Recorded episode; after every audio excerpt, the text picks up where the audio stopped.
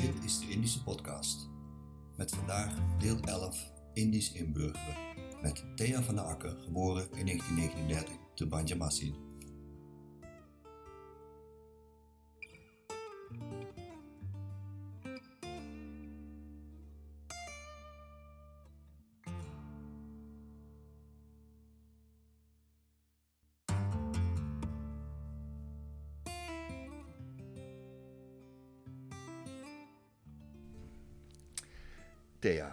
Zou jij mij kunnen vertellen wat jij je herinnert van het vertrek, de overtocht en de aankomst uit Indië in Nederland? Ik zal het proberen. Van het vertrek herinner ik me eigenlijk heel weinig, omdat dat toen heel stormachtig is geweest. Omdat ik een zus had met tyfus. Die kon dus de boot niet op. Die moest dus eigenlijk ander vervoer hebben. En we hadden een arts in het, een bevriende arts in het Chideng-kamp die ons de weg gewezen heeft. En we zouden oorspronkelijk naar Australië gaan. Dat is dus niet gebeurd. Maar we zijn dus, ik denk toch in Batavia, ik weet het niet zeker allemaal, zijn we van daaruit vertrokken. Op de grote boot met, met de Tegelberg. Mijn zus is overigens wel mee kunnen gaan met tyfus en zo. Die is helemaal in een apart, eh, eh, hoe heet dat, zo'n zo'n uh, hokje. Een hut dus eigenlijk uh, is die geplaatst en zodoende hebben we dat gedaan. Van vertrek weet ik echt helemaal niks meer. Wel van de reis, de Rode Zee. En wij zijn toen uh, in, de, in de woestijn, zijn wij daar toen... Um, God, dan is me die naam even ontschoten. Vanmorgen wist ik het nog. In de woestijn hebben wij door het Rode Kruis zijn wij in de, kleder, in de kleren gezet. Want we hadden alleen maar een pendekkie aan. Hè? En uh, verder. Attica? Attica, ja. goed, dat was het ja, mm -hmm. bij Egypte. Ja.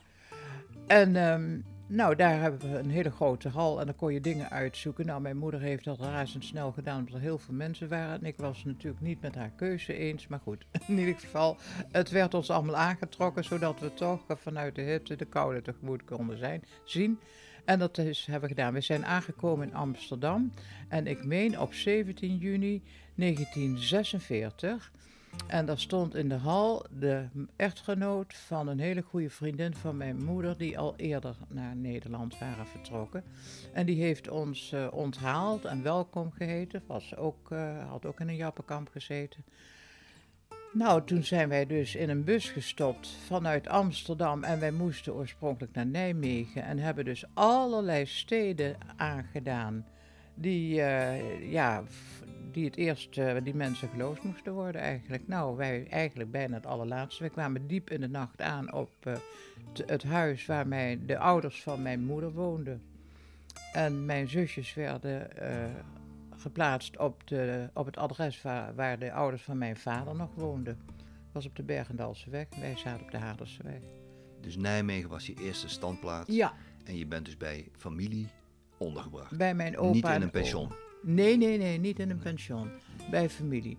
Maar ja, onze ogen waren dus heel groot, want mijn moeder zei van zeg maar tegen die mevrouw oma en tegen die mevrouw opa, waren termen of namen die wij nooit gehoord hadden. En we stonden constant, ja, wij waren echt onder voet ook. We kwamen dus niet met de neus boven de tafel uit, dus opa en oma moesten echt iedere keer kijken zo waar wij waren. Ja, en het was... Um, verbijsterend eigenlijk allemaal. Wat bedoel je met verbijsterend? Uh, jou, nou, jouw zoveel indruk, nieuwe indrukken en zoveel had mijn moeder ons helemaal niet op voorbereid. Dat ineens werd je daarmee geconfronteerd en het was allemaal zo anders als in Indonesië. Nou ja, en we en moesten... hoe reageerde, zeg maar, de, de, het was in een buurt, het Bergendalse weg, zei je. Uh, Nee, uh, wij waren bij mijn moeder ouders op de Haterseweg en mijn zusjes van mijn vader. En waren er in de buurt meer uh, Indische repatrianten nee, nee, terechtgekomen? Nee, we waren echt de enige en we kwamen het holst van de nacht op en, en hoe, hoe, keken ze nou die eerste dagen en weken tegen jullie aan? Als, als vreemde ja, snuiters? Of? kan ik niet echt zeggen, dat weet ik niet. Ik kan hun gedachten niet lezen. Ik vond mijn oma heel erg lief. Mijn opa vond ik een beetje nors. En uh, dan hadden we ook nog een, ge een gehandicapte oom die een houten poot had echt zo'n zo'n stok in huis. En die vond het ook wel leuk, want wij waren per slotverrekening zijn neefjes en nichtjes. En die bemoeiden ook zich het meeste met ons. Maar ja, toen moesten we naar school. We zijn in juni aangekomen en in september moesten we naar een school toe. En uh, ik moest naar een school waar mijn tante, de zus van mijn moeder, in het klooster zat. Jij daar. was toen een jaar of zeven, acht? Ja, zeven. En toen ben je dus naar de lagere school gegaan. ben Eerste naar klas? de lagere school gegaan en ik was de eerste klas. Ja, Mhm. er was nog een mazzel ook, want mijn oudste zusjes, waarmee ik zes en tien jaar verschil, die hebben helemaal geen onderwijs genoten. Dus die waren al zo oud en die moesten toch naar een middelbare school. En die zijn toen naar een kostschool gegaan in, in, in, in eh, Koningsbos. Ook weer met nonnen, Duitse nonnen. En ehm, daar hebben ze heel dankbaar eh, gebruik gemaakt van het geduld van die nonnen. Die hebben hun echt hun achterstand in laten halen. Mijn oudste zusje heeft een staatsexamen MULO gedaan. Is daarvoor meteen geslaagd. En mijn andere zusje heeft ook een, geen staatsexamen, maar wel een examen. Waarom dat was, weet ik ook allemaal niet. Maar in ieder geval, die is ook geslaagd. De ene is in de verpleging gegaan, is, die heeft dus best veel bereikt. Is zelfs op de operatiekamer terechtgekomen. En mijn andere zusje is in het onderwijs terechtgekomen. Maar hoe is het jou vergaan op die lagere school? Op de lagere school, ja. Hoe heette de school? Ik, eh, op de Dobbelmanweg, Johan, eh, nou ja, hupplepup.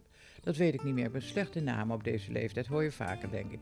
Maar goed, in ieder geval, eh, die lagere school was voor mij vervelend, want ik was heel rebels. Kennelijk kwamen allerlei dingen naar voren, bij mij werden eruit gehaald. Ik was echt de leidster van mijn klas. Als ik zei, we gaan, met een, we gaan een ladder zetten tussen de, de deur van het klooster en de school, dan deden we dat echt met z'n allen. Iedereen luisterde naar mij, het gebeurde allemaal. Jij was het rebelse type, wat Ja. eh, de zaak een beetje opjutte. Ja, hoe dat kwam, daar heb ik geen idee van. En ik ben altijd heel kalm en diem, zeggen ze in Indonesië geweest. Heel kalm en rustig, maar ineens was ik ja, in, alle staten. Nou ja, en dan kwam, ging een non die het onderwijs moest geven, de, ging die kloosterdeur open. En dan kregen ze die ladder tegen zich aan. Zo afschuwelijk ben ik Dus geweest. je haalde ook echt kattenkwaad uit. Ja, nou noem dat maar kattenkwaad. Het is levensgevaarlijk Ja, geweest ja. achteraf. Maar denk je dat het iets te maken heeft met, je, met de kamptijd? Dat je, dat je in één kunnen. keer een soort, eh ja, Ja, wat een, een soort drang naar agressie of vrijheid of, school eh, of zo. Die mensen die zich boven mij stellen en mij ja. vertellen wat ik doen moet. Daar eh, heb ik een hekel aan. Dus op een of andere... Ik kan het psychologisch niet zo goed verklaren. Maar ik voel nog altijd wel eens een keer als er iets, een, knellende situatie is, dat ik dat weer voel opkomen. Voor de rest ben ik best rustig en kalm. Maar dat vond ik heel verderfelijk. Ik heb ook, eh, moesten wij studie, op de MULO moesten wij studeren. En dan na vieren stonden we op een trap. En dan stond die non beneden aan de trap. En dan stond die hele trap vol met meisjes. En pas als de bovenste trap gevuld was, dan kwam die non zo naar boven. En toen heb ik mijn schooltas, heb ik dus eh, zo open gedaan, dat haar sluier aan mijn eh, slot van mijn schooltas bleef hangen. Dus die sluier die vloog af.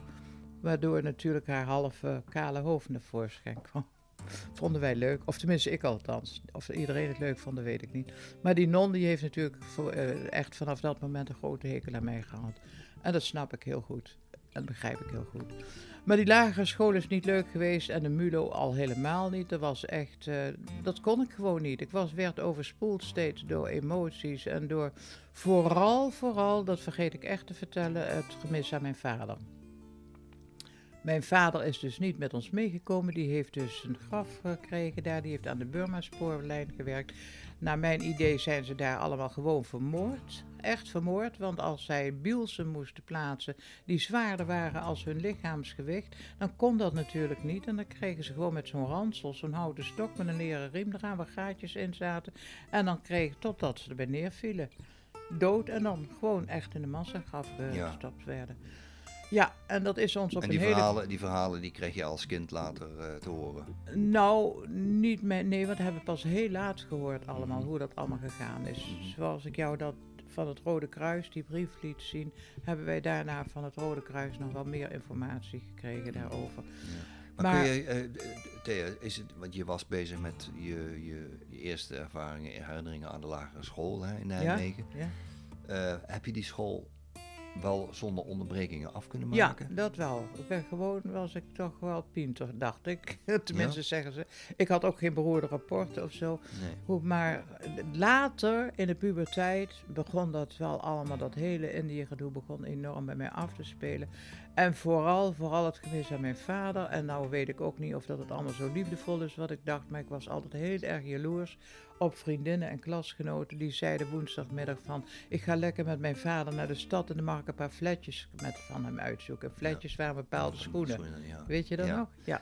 Oké. Dus je werd eigenlijk daardoor steeds geconfronteerd met het feit dat... Elke geen keer. Nou, en eh, een huilende moeder, hè, want mijn moeder die is met eh, 34 jaar weduwe geworden met vier Ja. kinderen en heeft eigenlijk ons eh, vanuit het andere continent hier naartoe gebracht.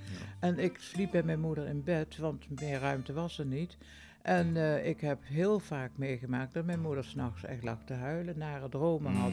En dan maakte ik er wakker en dan zei ik, wat is er toch, wat is er toch? Ach, zegt ze, dat snap je toch allemaal niet. Nou, achteraf snap ik dat wel, dat ik het niet zou snappen. Ja. Het was ook natuurlijk de toestand, want ieder- Thea, die, die, ehm, ehm, als ik even mag onderbreken, die, die, die schoolperiode hè, waar je het over spreekt, hè, van die lagere school. Zaten er nog meer repatriante kinderen in Nee, de klas? ik Jij was echt de enige. enige. Dus je had ook niet een soort, nou ja, nee, het, je verhaal, wat eh, nog weten, nee, wat, echt wat niet. mensen zeiden, god, het is, komt mij bekend voor. Nee, Had je nou ook ehm, de indruk dat er eh, vanuit bijvoorbeeld de onderwijzer geen aandacht voor was voor jou? Nee. eh? er is maar één Verleden. onderwijzeres geweest op mijn hele lagere schoolperiode die besefte dat ik uit Indonesië kwam en het winters hartstikke koud had.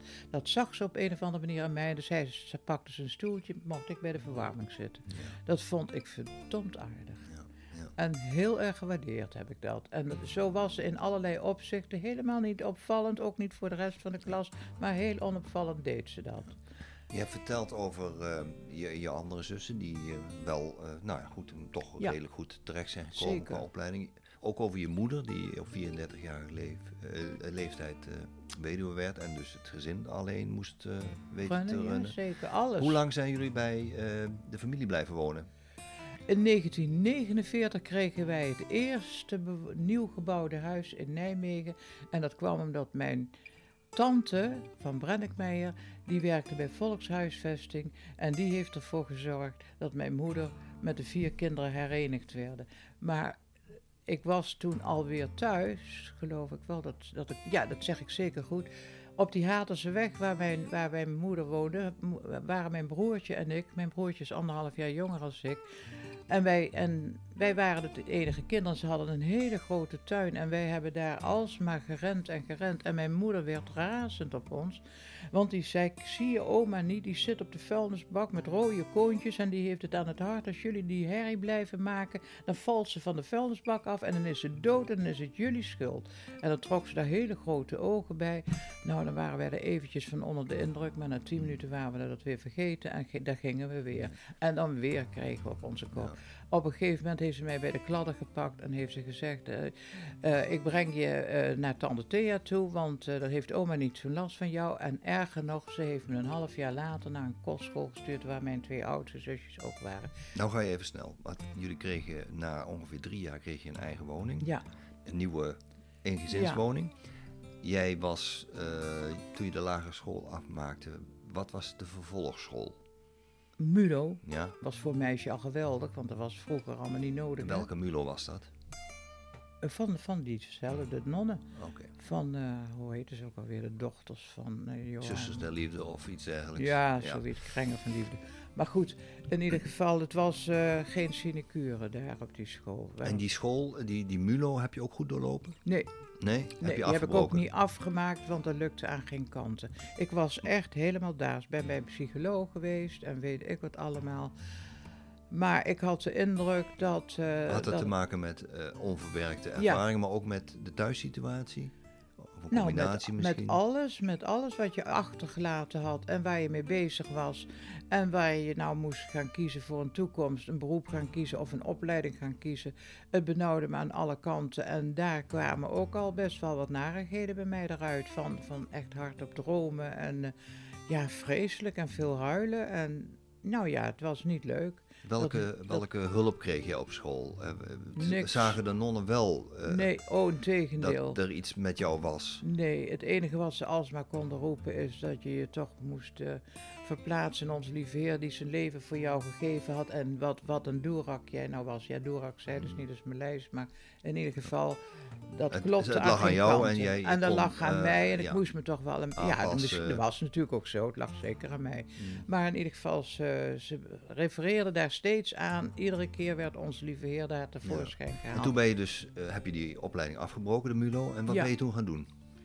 Maar over die kostschool wil ik nog even wat Ja, ga vertellen. je gang. Dat was verschrikkelijk. Daar heb ik Waar was jaar... die kostschool? Kostschool Koningsbos bij Echt. Mhm. Het is nu, van, ja, het heeft allerlei dingen gehad, bestemmingen gehad. Maar dat was echt, 's morgens in je chambret stond je op, moest je naast je bed gaan eh, je ochtendgebed bidden. Dan moest je dus je gaan wassen in een openbare ruimte. Een hele grote zaal was dat, met allemaal wasbakken. En moest je je aanwassen en aankleden. En dan ging je naar beneden naar de refter. En dan moest je achter je stoel weer bidden. Dan had je gegeten, weer bidden. Dan ging je naar de, naar de school. Ik was de jongste van de kostschool. Ik moest met een non aan het aan het handje het dorp in. Want op de kostschool was geen onderwijs voor mij. Voor mijn twee zusjes die er waren wel. Maar die zag en sprak ik ook nooit hoor. Die zaten allemaal veel hoger als ik. Ja, en dan eh, moest ik elke keer met de non naar, het, eh, naar de school toe. Dan wilde ik wel eens de hand grijpen, maar dat mocht niet. Dus ik moest zelf alleen lopen. En later heb ik gehoord wat de reden daarvan was. Veel later, was ik al lang weg daar. Dat, eh, dat ze geen moedergevoelens of zo. Dat ik bij hen op zou roepen als ik dat handje van, pas, vastpakte van hun. Dus affectie en, en Ja, dat, oh dat god, was... het was verre van alles. mhm. Maar toen ben ik op een gegeven moment ben ik doodziek geworden daar. Wat ik heb gehad, dat weet ik nog steeds niet. Maar ik denk zelf dat, ik, eh, dat het gevolg van heimwee was. Van nou, het verlangen naar mijn moeder. Want mijn moeder had ik in alle Indië-jaren en thuis had ik altijd thuis gehad. En nou was ik helemaal zonder familie, zonder moeder, zonder ja, van alles. En toen ben ik heel. Ik, ik heb dat zelf zo ingevuld, want er is nooit een medische verklaring geweest. Maar ik heb allerlei doktoren aan mijn bed gehad. Ik lag in de ziekenboeg boeg op die kostschool. En de hele kostschool moest naar de kapel om te bidden voor mijn herstel.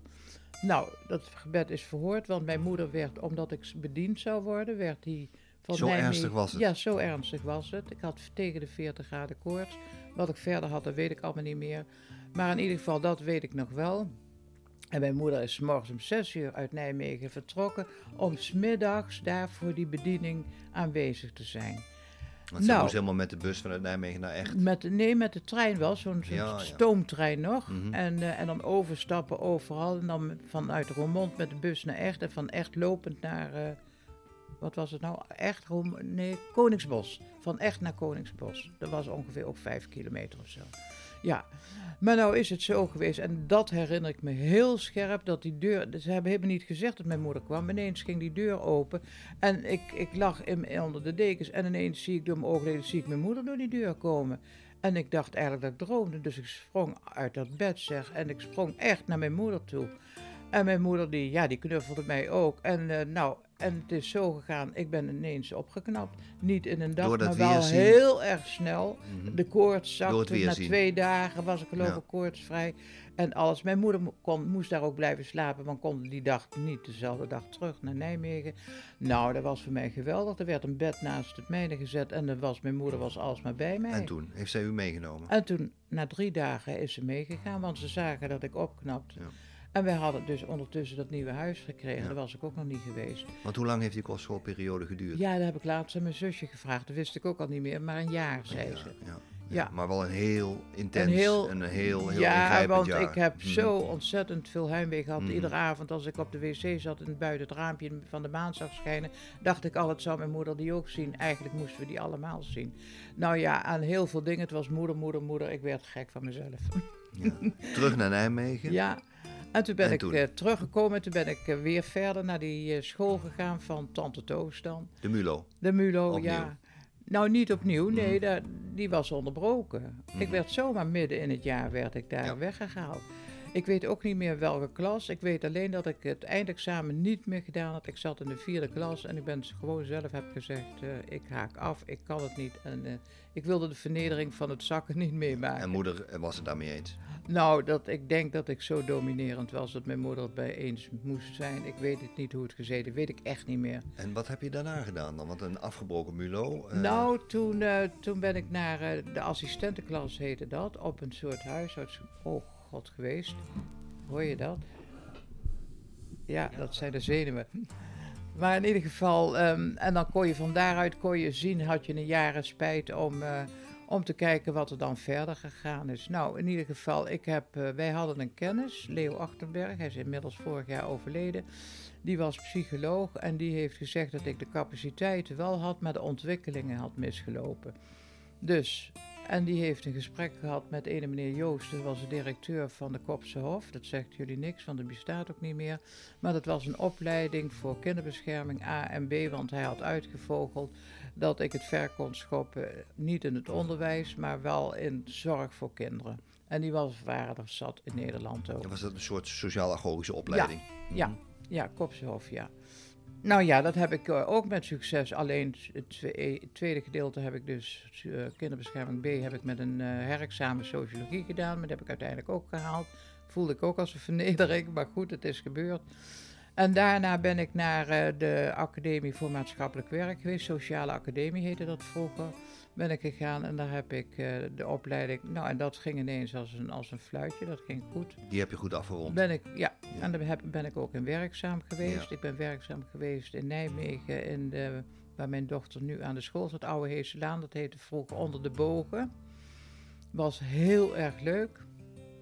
Erg leuk. Dat Zo- was je eerste baan? Dat was mijn baan. Ja. Ja. daar was je maatschappelijk werk. Die hele buurt moest gesaneerd worden, want daar wonen van alles door, door elkaar. Maar het was eigenlijk tegenwoordig, zeggen ze, dat het de onderkant van de samenleving is. Nou, ik heb er de tijd van mijn leven gehad. Ook spannende dingen meegemaakt. Maar ik deed alles voor die Een mensen. en- achterstandswijk, zoals dat ja, heet. zo heet Ja. dat nu, ja. Precies. En ehm, het was zo geweldig. Ik heb zoveel gelachen. Ik ging zelfs met stijve kaken van het lachen naar, naar huis. Zo. Ja. Ja. die mensen die droeg je op handen. En ik, ja, ik voelde ook veel voor hun. Het klikte bij iedereen. En dat is heel idioot hè, bij iedereen, maar het was wel zo.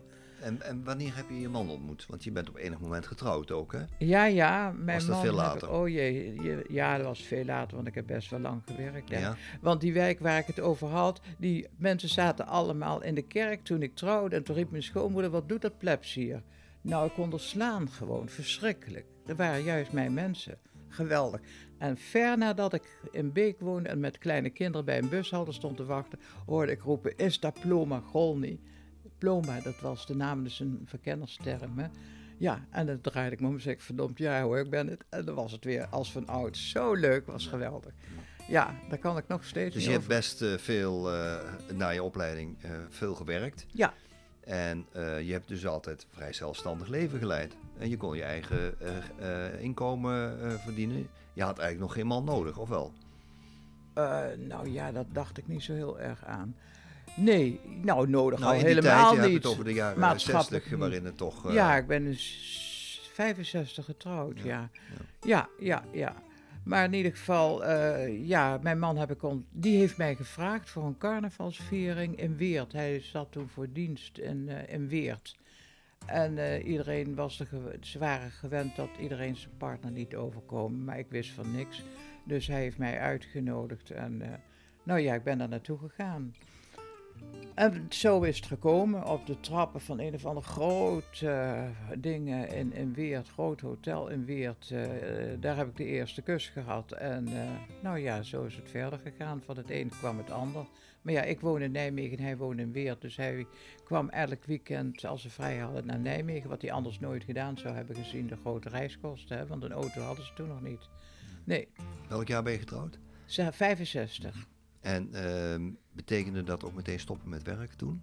Ja, dat moest, hè. Je moest stoppen met werken. Dat was wettig, wetmatig, eh, stond in de wet. Dat de vrouw moest eh, ophouden met haar werk. Je werd ook echt ontslagen, officieel. Ja. Het enige recht was je aanrecht. Ja. Dus je bent voorbestemd om eh, moeder, huisvrouw te zijn. Ja, Want jij Ja. eh, hebt ook kinderen. ik heb drie kinderen, Ja. ja. En die zijn allemaal in de loop van de jaren 60 geboren. Nou, in de loop van de jaren, die zijn pats, pats, pats geboren. Ja. Want ik ben, wij waren nog heel ouderwets en je mocht voor het huwelijk helemaal geen seksueel contact hebben. Tegenwoordig trekken zich, zich er niks van aan. Terecht, vind ik persoonlijk. Maar goed, in ieder geval, ja. In ieder geval, zo was het. En mijn man heeft dat ook helemaal niet gedaan. En dat vond ik fantastisch. Ik dacht, nou zeg, die heeft respect voor mij. Want ik hoorde wel van vriendinnen wat er allemaal wel gebeurde in allerlei hooibergen en schuren en noem maar op allemaal. Ja, en ik was er heel trots op. Maar ja, later bleek dat ik er nooit zo trots op had moeten zijn. Drie kinderen op een rij. Ja, de eerste is eh, binnen negen maanden geboren. Wij zijn 10 september, nee, niet binnen, wij zijn 10 september getrouwd. En mijn oudste is 24 juli, juni is ze geboren. Het was een hele moeilijke bevalling met tangen en weet ik wat allemaal. Ze wilde helemaal niet komen. Het kon er niet uit, het moest echt eruit gehaald worden. En binnen negen maanden was ik, uh, had ik alweer een tweede kind. De ene ging van de borst en de andere eraan.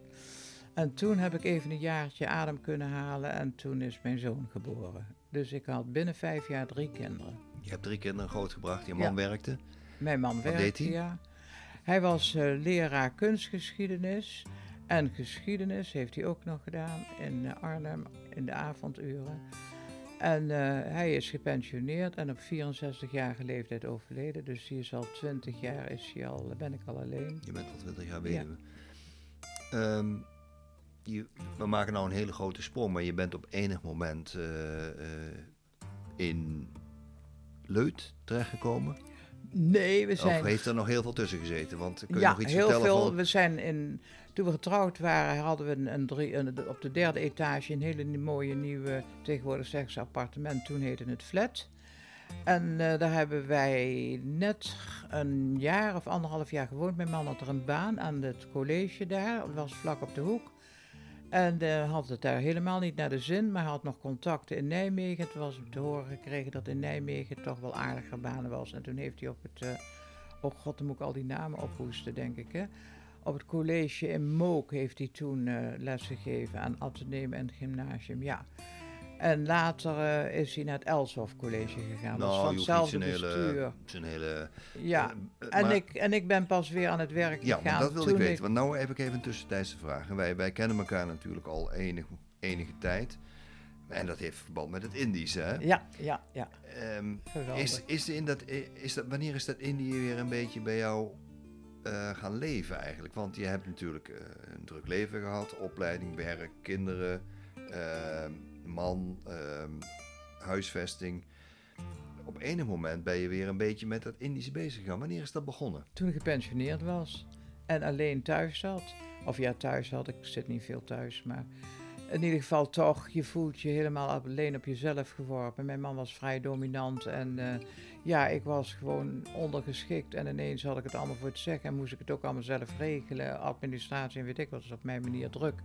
Maar je was toch alleen, je had niemand die, uh, waar je je ei aan kwijt kon. Dus nadat je man is overleden en je, en je, en je gepensioneerd was, ja. ben je meer... Ik ben gepensioneerd omdat mijn man dus verzorging nodig had. Ja, oh, je hebt hem uh, thuis verzorgd. Ik heb hem thuis verzorgd, ja. ja. ja. En toen hij was overleden, ja, toen was mijn pensioengerechte leeftijd... Hij is lang ziek was, geweest. Uh, ja, boven, ik werkte 22 jaar heb ik bij het Centraal Bureau voor de Statistiek gewerkt. Heel erg fijn beroep. Goed werk verricht, vind ik zelf fijn, zinvol.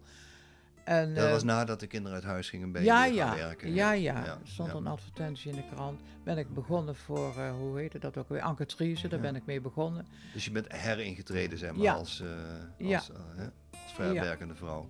Ja, en dat, dat, was echt een beroep te beantwoorden aan al mijn uh, interesses. Politiek en bestuurlijk en bevolking en nou ja, alles wat er maar, dat kon ik allemaal aan de weet komen hoe dat allemaal reilde en zeilde en hoe dat moest rijden en zeilen en die misschien niet deed. Maar dat moesten wij dan onderzoeken. Dat ben ik alles, om de vier jaar heb ik daar een promotie mogen meemaken. Het is dan nog een carrière gemaakt? Jawel, ik ben, zat heel dicht bij, uh, bij de directie op ja. het laatst, bij het bestuur, beleids- en beleidswetenschappen ja. was, was het geloof ik dat ik zat. Ja. Nee, beleid, gewoon, god ik ben al die termen ja. kwijt. Van de universiteit? Nee, hier bij het CBS. Bij het CBS? Bij het CBS. Je hebt op enig moment, zeg jij van, uh, nou rond mijn pensioen is dat Indië weer gaan spelen. Uh, kun je, als je terugkijkt, is er ooit een moment geweest dat je vanwege jouw Indische achtergrond het gevoel had, ik word achtergesteld? Of heb je dat nooit gehad? Nee, nee.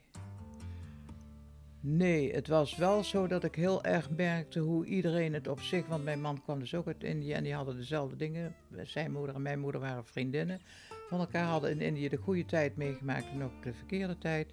En daar werd best wel over gesproken.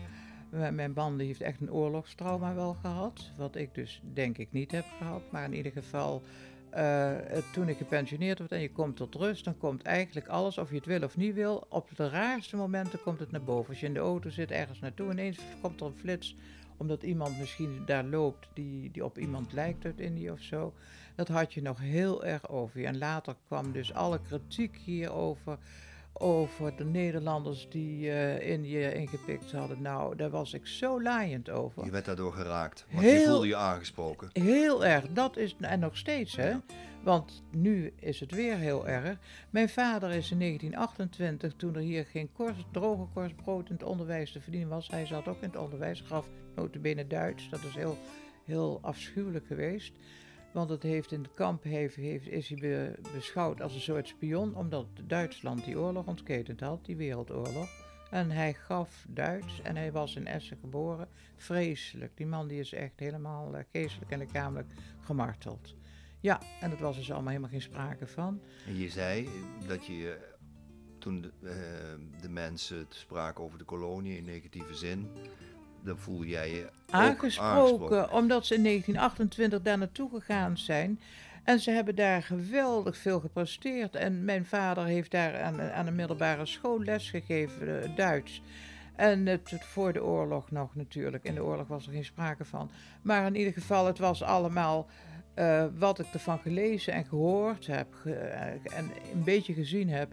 Hij heeft Nederland, Indonesië op een, op een mooi uh, hij bijgedragen aan, aan bijgedragen. Nou ja, opbouw. Het was daar een zootje. En nou was het allemaal keurig. De, de vliegvelden, de kerken, de scholen, de ziekenhuizen en de straten. Maar die discussie is ook in Nederland op enig moment op gang gekomen. Ja. Je hebt wel, uh, want daar, daar, kwam ik even op toen je zei van nou, na mijn pensioen ben ik vast een beetje met het Indische verleden ja. bezig gegaan. Hoe is dat? Uh, want ik weet dat je bij Pelita bekend bent. Hè? Je hebt, ja. hè, wij, wij kennen elkaar ook van activiteiten hier. Was er al eerder iets voordat je zeg maar hier in het OBG bijvoorbeeld naar activiteiten kwam, was er al iets dat je met Indië bezig was? Had je contacten met Indische mensen bijvoorbeeld? Oh ja, ja? de hele kennissenkring van mijn moeder bestond allemaal uit Indische mensen. Die zijn nu allemaal al lang overleden, maar ja, het was... En we aten ook nog echt Indisch en zo. En we spraken ook Indisch. Wij zeggen te, tegen een komkommer zeggen wij geen komkommer, maar een, uh, hoe heet die nou echt? Ketimoen. Of... Ketimoen? Ketimoen, ja, ja tegen ja. een paraplu. Alle, allerlei woorden. Ja, en omdat ik met een man getrouwd ben die datzelfde, nou niet hetzelfde, maar ongeveer hetzelfde heeft meegemaakt als ik dat had. Ja, wij, wij, wij, wij over en weer. Onze boodschappenlijstjes stonden ook allemaal in Maleise woorden. Dat ging gewoon vanzelf. Maar op, e- er is ook een moment geweest waarop je zei: uh, Ik wil er iets mee doen, want je bent uh, in het sociale werk, hè, vrijwilligerswerk. Je bent op een gegeven moment Indische mensen gaan bezoeken. Ja, ja, door Pelita. Ja, ja, ja maar Pelita heeft in mijn uh, jeugd al een hele goede naam gehad. Want wij gingen vroeger via Pelita, mochten wij naar uh, een kamp, hè, een zomerkamp. En dat was voor mijn moeder heerlijk, want die had dan ook vakantie eventjes als wij weg waren. Dus er was van, en wij hadden het ook heel erg leuk. En mijn, mijn schoonmoeder, die heeft via Pelita een huis in Nijmegen gekregen. Ze woonde in Delft. Ja. En die wilde vanwege mijn moeder en nog andere vriendinnen ook ja, naar die Pelita huis hier ook, hè? Ja. Precies, ja, hele, die hele bomenbuurt daar. Ja. is allemaal Pelita Pelita. Echt heel veel. Nou, ik denk, toen mijn moeder overleed, waren er ook nog best wel veel Indische mensen. En die hebben daar dan ook nog over verteld natuurlijk. Maar daar wisten wij een heleboel ook wel van. Ja, dat, dat Indië, dat is nooit weg. Dat maar je kwam bij ons in beeld en je bent op een gegeven moment vrijwilligerswerk gaan doen. Je bent ook, uh, noem maar wat, de eettafel gaan bezoeken ja. en de koffietafel. Um, als je nu in deze fase van je leven terugkijkt, uh, hoe belangrijk is dat Indië dan voor jou geweest? Nou, ik, ik ben het gewoon. Ik, uh, ik, ik denk er nog veel over na. Maar nou is het weer dat de tranen achter je ogen staan. Omdat je denkt wat er allemaal gebeurd is. Dat heb je allemaal voor de helft toen niet meegekregen. Omdat je in de vaart naar volkeren meeging. Je opleiding, je beroep, je huis, je man, je kinderen, noem maar op allemaal. Ja, Eh, je kon daar niet bij stilstaan, maar nu je bent gepensioneerd. Mijn man is ook op, op 64-jarige leeftijd voor zijn pensioen dus overleden. En ik ben dus eerder gestopt. Ik ben vervroegd met pensioen gegaan en op, toen begon het gedoe. Echt toen hij is overleden, want ja, nou, je staat dan alleen en een heleboel dingen zijn terug te voeren op, op Indië. Ja, want het, jouw kampverleden, eh, zeg maar, ja. jou, jou als kind in een kamp gezeten, dat heeft voor jouw gevoel je leven ook erg beïnvloed zeker, getekend. Zeker, getekend. En wat ik nu ook vind, en dat heb ik gehoord en dat kan ik helemaal beamen, dat Nederland echt ons heeft laten zitten. En dat is ook iets wat mijn vrijwilligers, of tenminste de mensen waar ik vrijwilligersmerk mee doe, die zeggen: Ik zit hier wel een mooi in het OBG, maar uh, al die mensen die praten over hun oorlog, over de Duitsers en over de luchtaanvallen, verschrikkelijk gewoon. En als wij eens iets willen zeggen, ze, ze, luisteren niet eens. Want wij bij ons geen tenminste de zon, hè? Ja. Zo allemaal Te weinig aandacht voor het Indische Helemaal verhaal. niet. Nee. En kun je je verhaal nu wel kwijt bij de activiteiten die je hier uh, bij Pelita. Uh, het verhaal niet. Je ondergaat gewoon uh, de gezelligheid. En uh, nee, het verhaal maar je doe je met je eigen familie. Van anderen, uh, Jawel, ja, voor je vrijwilligerswerk, daar ja. kom ik voor. Niet voor mezelf, voor hun. Ja. Maar het is wel, ik snap hun helemaal, omdat ik hetzelfde heb meegemaakt als zij. Bijvoorbeeld Floor is echt, daar moeten we het nog over hebben hoor, want dat, dat, dat, dat houdt me heel erg bezig. Als we nu naar een soort afronding gaan, hè, en je hebt, wij hopen natuurlijk nog dat je nog vele jaren te gaan hebt. Hoe kijk jij naar de nabije toekomst? Wat, wat, wat wil je nog doen? En wat zie jij als vormen van afsluiting? Uh, of, of zeg je van, god, dat is nog, daar zou ik nog eens een keer een, uh, mijn energie in willen steken? Nou, dat is ontzettend weinig, want de wereld is dermate veranderd dat je daar helemaal niet meer in past. Dat hoor ik via mijn kinderen en kleinkinderen en via internet. En God, ik vind dat ik zelf nog allemaal bij, aardig bij fiets met internet. En ik bankier nog via internet en noem maar op. Dat doen een heleboel vriendinnen van mij ook al niet meer. Maar ik wel. En ik heb ook de apparatuur er allemaal voor. Maar ik heb niks groots in petto. Want uh, ja, je bent gewoon soms een beetje een uh, geldverslindende tante. Hè? Ja, ik heb een best een aardig inkomen van mijn man en van mij samen. Een pensioen. En dan heb ik nog van... Uh, de oorlogsslachtoffers ook nog een pensioentje. En ik heb een AOW, dus ik kan me goed redden. Is het zo niet zeer goed. Fijn toch? Ja, zeker. Ja. Maar nou komt die corona, die is hier al twee dagen, twee jaar bezig. En die heeft al mijn activiteiten platgelegd. Dus er is weer veel meer tijd om te kunnen nadenken. Het, je doet het niet, nadenken. Je zegt niet, ik ga maar eens even zitten nadenken. Helemaal niet. Maar allerlei gedachten vliegen je in, de, in het hoofd. Als je staat uh, de afwasmachine staat in te pakken. Of als je in de auto zit op de raarste momenten. En ik droom ook nog best wel over dat er enge dingen gebeuren. Herbelevingen van vroeger. Ja. Ja. ja, ik kan het niet navertellen hoor, precies. Maar een heel onwelwillend gevoel mm. of onlustgevoel ja. van uh, dat het toch echt te maken heeft met de jappen. Ja. Thea, we gaan afronden. Zou jij nog iets tegen de luisteraars willen zeggen? De, de Indische luidjes. De Indische luidjes, die ouder zijn als ik of hetzelfde zijn als ik. Nou ja, ik hoop dat u meer aan het leven nog hecht als ik. Ik niet ik vind het wel welletjes geweest. Het heeft niks leuks meer in, in petto voor mij, lijkt mij. Terwijl ik echt nog best mee zou kunnen, lijkt mij, qua gezondheid en qua activiteit en energie. Maar uh, nee hoor, ik zie de mogelijkheden niet meer. Misschien dat het voor uh, de luisteraars wel het geval is. En dan wens ik ze van harte toe. Dankjewel, Thea. Oké. Okay.